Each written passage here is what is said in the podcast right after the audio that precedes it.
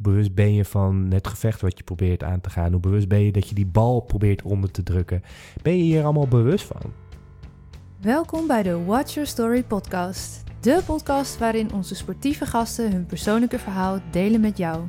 Watch Your Story is het platform voor en door sporters en voormalig sporters. Ben je geblesseerd geraakt of helemaal gestopt met je sport en vraag je je af, wat nu? Via onze website watchyourstory.nl kun je onze online training Beyond the Game volgen.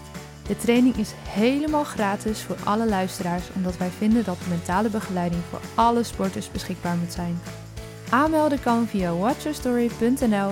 Die link vind je ook in de beschrijving van deze aflevering. Want vergeet nooit, je bent niet alleen. Your story counts. Ik zat in een kleine dokterskamer toen de reumatoloog tegen de 16-jarige Lotte zei: Ga eerst maar weer eens functioneren in het dagelijks leven. En ik dacht: Waar heb je het over? Het enige dat ik wilde weten is: wanneer kan ik weer volleyballen? Het duurde een jaar of acht voordat ik erachter kwam dat ik het verhaal van deze arts ben gaan geloven. Dat ik ernaar ben gaan leven en dat ik in een slachtofferrol was gekropen. Acht jaar tot het punt kwam dat ik besefte: dit levert me niet langer meer op dan dat het me kost. Toen kon het accepteren van de realiteit beginnen. In deze aflevering heb ik het met mindset coach Jonathan Bouter over het vechten tegen de realiteit. En hoe het accepteren van de realiteit met alles wat er is je kan helpen om los te komen van je slachtofferrol.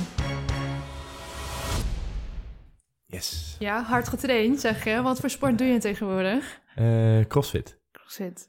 Ja. Ja, dat is wel pittig op, of niet? Het kan zijn. Kan zijn. De ene les is wat meer dan de ander.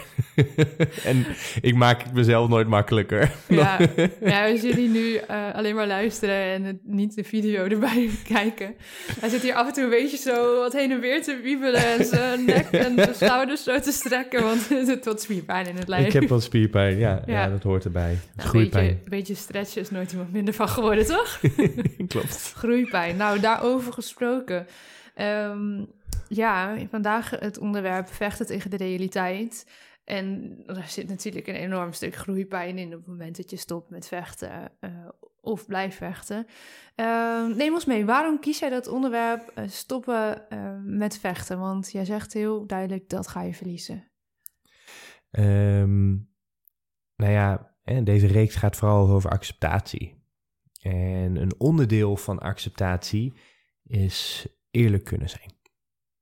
En als het jou niet lukt, uh, ja, dan ben ik maar even de vervelende boeman voor jou vandaag. Um, ik omschrijf het altijd als hetgene wat ik doe bij mijn klanten en, en datgene wat ik nu voor jou doe, uh, als je hiernaar luistert, is om een liefdevolle spiegel te geven aan je.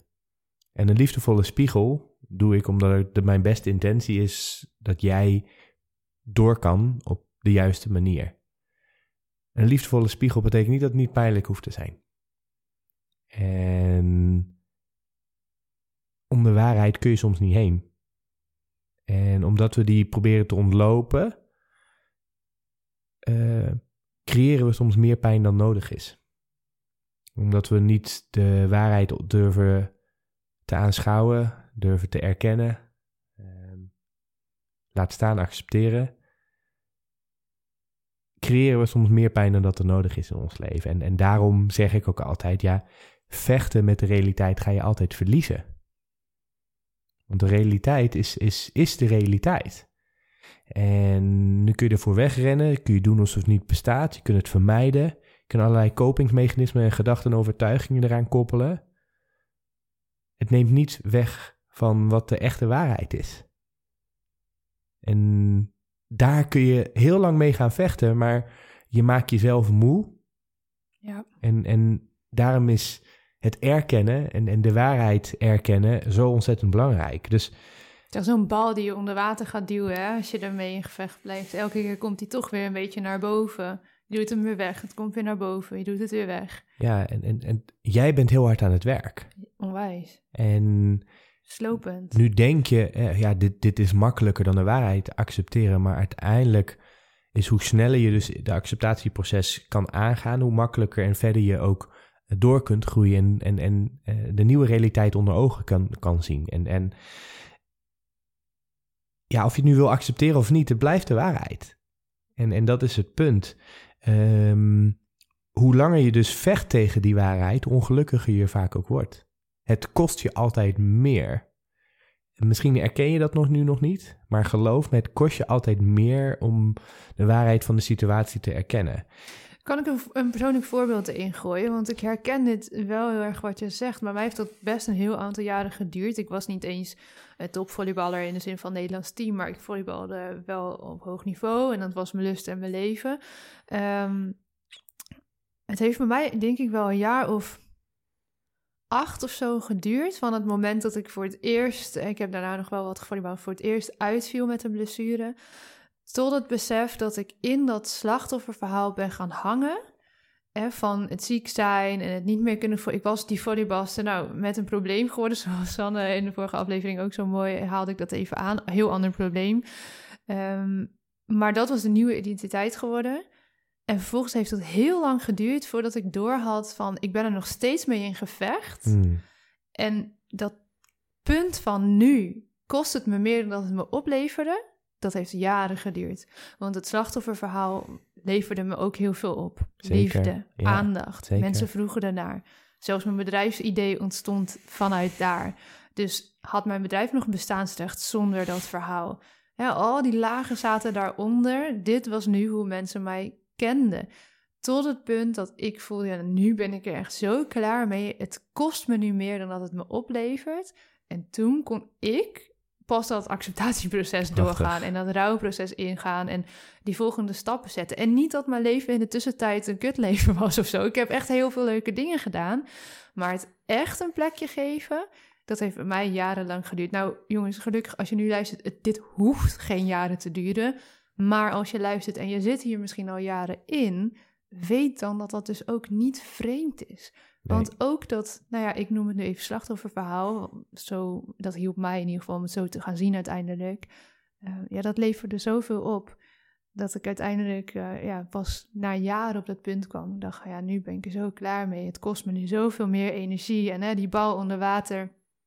Ik moest toen die volgende stap gaan zetten. En vanuit daar kwam er ja, letterlijk en figuurlijk gewoon weer lucht om ja, voluit te gaan leven. In plaats van toch een beetje met die handrem erop. Omdat ik toch nog vasthield aan dat volleybalster zijn. Ook al was ik het al lang niet meer. Ja, mooi. En, en, en wat, is, wat is de waarheid voor, voor, voor, voor jou, wie, eh, degene wie nu luistert? En, en ik denk dat je een heel mooi verhaal eh, aanhaalt. Want in verleden kun je niet meer aanpassen. En, en je kunt er alleen anders naar uh, kijken. En, en mm. Um, in de vorige video hadden we het over je krijgt waar je op focus. Als jij dus focust op het slachtofferschap, is dat een, een, nieuwe vorm van identiteit waar je dus opnieuw naar gaat leven. Dat en, was het echt. En, en soms wil je uh, vasthouden aan iets wat niet meer kan. En nogmaals, je kunt vechten met de realiteit, maar dat ga je altijd verliezen. Dus als jij dus probeert iets te veranderen wat onmogelijk is om te veranderen, probeer je dus het verleden, probeer je een hand richting het verleden te, te doen en denken, ja, dat daar heb ik onder controle, maar dat heb je niet. Je kunt beter kijken naar wat is er vandaag en, en hoe kun je dat accepteren. Want feiten blijven feiten. En, en mocht je dus nu luisteren, misschien vind je het niet fijn om, om bepaalde dingen te horen. Misschien vind je het niet fijn om te erkennen dat je misschien uh, te, langer, te lang in het slachtofferschap blijft zitten. En ik vind het heel mooi dat je dat voorbeeld aanhaalt. Dat is allemaal onderdeel van het proces. Maar nogmaals, deze serie gaat over acceptatie en hoe sneller je dus uh, daarin ja, kan accepteren wat er is, hoe meer rust je dus zal ervaren. En vanuit rust kun je, en kun je veel beter weer dingen doorpakken, veel helderder dingen zien. Vanuit slachtofferschap kun je ook niet helemaal helder alles zien wat je doet. Niet alle keuzes zijn even helder. En het is dus heel belangrijk dat jij je feiten op tafel brengt. Dus ik heb een paar vragen, mocht je nu luisteren. Je vindt het vervelend. Het is geen probleem om deze video later te luisteren. Of als je in deze fase zit en denkt, ik wil hier helemaal nog niet van af. Dat is helemaal prima. Ik denk Iedereen- dat je, als je het mij had verteld, direct nadat ik was uitgevallen, had ik het echt niet kunnen horen. Het had ook niet per se acht jaar hoeven duren. Ik denk Nee. dat er ergens wel een middenweg was Ja. geweest. Maar het is goed dat je dat benoemt. Want als je nu denkt van ja, eh, stik het toch in, wat zitten jullie nou te lullen? Ja, Snap ik. mag want ik, weet je wel? dat, ja. dat is heel logisch in die eerste fase waarin je nog zo er tegen, ja, daarmee aan het vechten bent. Zeker. Ehm, maar probeer of je het misschien toch kan horen. Mm. En luister anders dit gewoon over een week, over een maand, over een jaar. Luister het nog eens opnieuw, want de tijd gaat je helpen bij deze vragen ook. Mooi. Ja, en iedereen heeft recht op zijn eigen proces. Ja. En als, als jij. ehm, het heeft geen nut dat, dat jij luistert naar mij en denken dat helpt. Want je moet je eigen proces aangaan. En, Anders ga je daar weer mee en als je het voor hè, jezelf- Dat het sneller moet dan dat Ja, het voor jou kan. dus- dat is dus- ook niet oké. weet je, eh, dat je intrinsiek gemotiveerd bent om dit proces aan te gaan, is de helft van het werk. En als je denkt, omdat hè, dat klinkt wel zinnig wat deze vent zegt, eh, dan ga ik daarmee aan de slag. Ja. Tuurlijk, ik kan helpen, maar zeker als je zelf het proces wil. Dus misschien ben je er niet klaar voor, maar dat is het ook. Hè? En zoals ik al zei, het is een liefdevolle spiegel. En een spiegel vertelt de waarheid. En misschien spiegel, daar kun je niet omheen. Misschien ben je er wel klaar voor. Ja, Misschien zit je te wachten op deze vragen. Gooi ze er maar in. ja. Dus, dus, weet je wel, moest je noodgedwongen stoppen. En, en hè, lukt je lijf even niet. Gaat niet meer alles zoals vroeger. Heb je besloten om er zelf mee te stoppen, maar voel je nog steeds onrust? Heb je toch geen vrede mee dat je bent gestopt? Weet je niet of je nu waard bent, of je nu überhaupt iets waard bent, omdat je nu geen prestaties meer kunt hebben? Er zijn vragen die je jezelf kan stellen om te kijken van ja, hoe zit ik in dit proces? Wees zo eerlijk mogelijk tegen jezelf, alsof je dus voor een spiegel staat en die vragen eh, terugkrijgt en dat de spiegel zegt, ja, dit is het. Dit is het. Die rauwe realiteit gaat je zoveel inzicht bieden in waar je nu zit in jouw proces. En als jij dus realiseert, ja, waar ben ik nu mee aan het vechten? Waar, ben ik, waar voel ik nu onrust van? Als jij bij jezelf nagaat en bruut eerlijk probeert te zijn. Zo eerlijk mogelijk richting jezelf te zijn. Waar zit ik nu? En probeer ik vast te houden aan het verleden? Probeer ik vast te houden aan al die dingen? Wat is nu? En nogmaals, het is weer allemaal onderdeel van acceptatie. Is allemaal onderdeel van bewustwording. Als je niet weet wat je doet, dan ben je maar wat aan het doen. En ik weet zeker dat, eh, zeker als je richting de topsport hebt gehad, dat je op sommige momenten onbewust bekwaam was. Maar toen je bewust bekwaam werd, kon je veel beter controleren eh, of controle hebben over de uitkomst.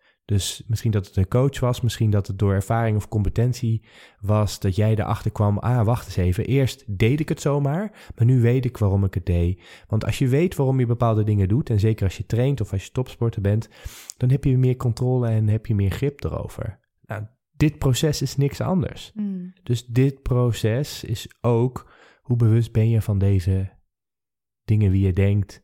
Hoe bewust ben je van het gevecht wat je probeert aan te gaan. Hoe bewust ben je dat je die bal probeert onder te drukken. Ben je hier allemaal bewust van? En laten we nou richting dat bewust bekwaam gaan. Bewust bekwaam te accepteren. Bewust bekwaam bezig gaan met je identiteit. Bewust bekwaam bezig gaan met de toekomst. En met jij wie weer grip en controle hebt over dit proces. En dat is dus bewustwording. Je gaat bewust bekwaamd worden, waardoor jij weer gevoel hebt: ik verlies al het controle. Ik verlies de controle over mijn gedachten. Ik verlies en ik, ik weet eventjes nu niet wat ik moet doen. Maar laten we nu daarmee stappen zetten, waardoor je echt weer gevoel hebt: ah, ik voel weer dat ik regie in eigen handen heb. Prachtig. ja, ik hou gewoon mijn mond als jij aan het spreken bent. Dat is het beste. ja, en één toevoeging wil ik nog graag maken. Want we halen natuurlijk nu vaak topsport aan. Maar uh, ben je breedte sporter, recreant, uh, jonge sporter... Hè, die gewoon nog lekker uh, speels bezig is met sport... Uh, onderschat niet dat dit proces daar ook gaande kan zijn. En dus voel je zeker ook aangesproken als je gewoon lekker twee keer in de week voetbalt met je vrienden en je ligt er ineens uit met een zware blessure bijvoorbeeld. Dan ga je ook door deze fases heen. En we hebben het natuurlijk nu veel over, over topsport, omdat het een, een, een beeldend vergelijk is. Um, maar ik was zelf, eh, mensen zagen mij misschien wel als topsporter, maar als je kijkt naar het Nederlands team, uh, grote toernooien, voor, voor de bonden was ik helemaal geen topsporter, mm. maar gewoon een, in de amateurtop. En daarin ga je ook door deze fases heen. Dus voel je gezien, voel je gehoord, ook als je niet uh, in de absolute ja, topsport ik zou, ik zou het zelfs nog zat. simpeler maken. Um, voor de persoon die hier naar luistert, ben je mens of ben je een alien? Nou, als je een mens bent, dan geldt dit geldt ook dit voor jou. Voor jou. Want ja. elk proces, voor elk mens, Ja, is dit proces. Dus, dus als je geen alien bent, dan is dit ook voor jou. En als je dat wel bent, meld je even. Ja, dan ben ik wel nieuwsgierig. ik ben, dan wil ik jou wel onderzoeken, want ik dan ben... wil ik je wel interviewen. Dat ook. En dan wil ik jouw psyche proberen te begrijpen vanuit mijn expertise. Dan leer ik ook nog weer wat.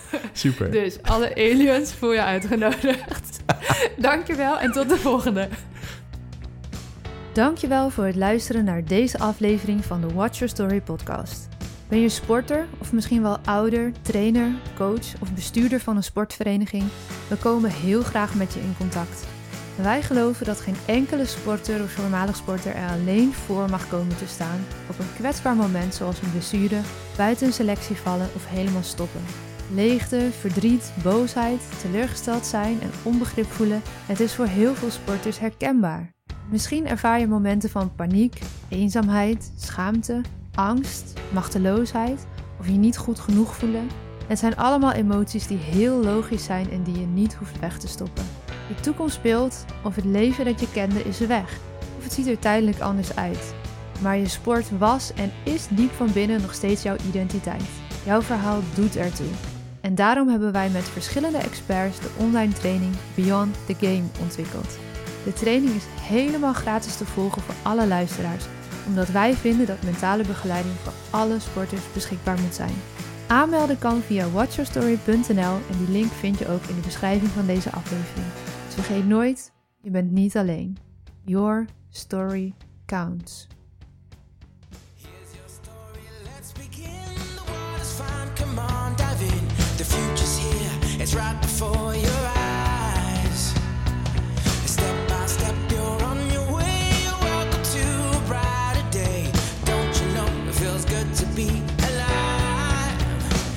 Could be larger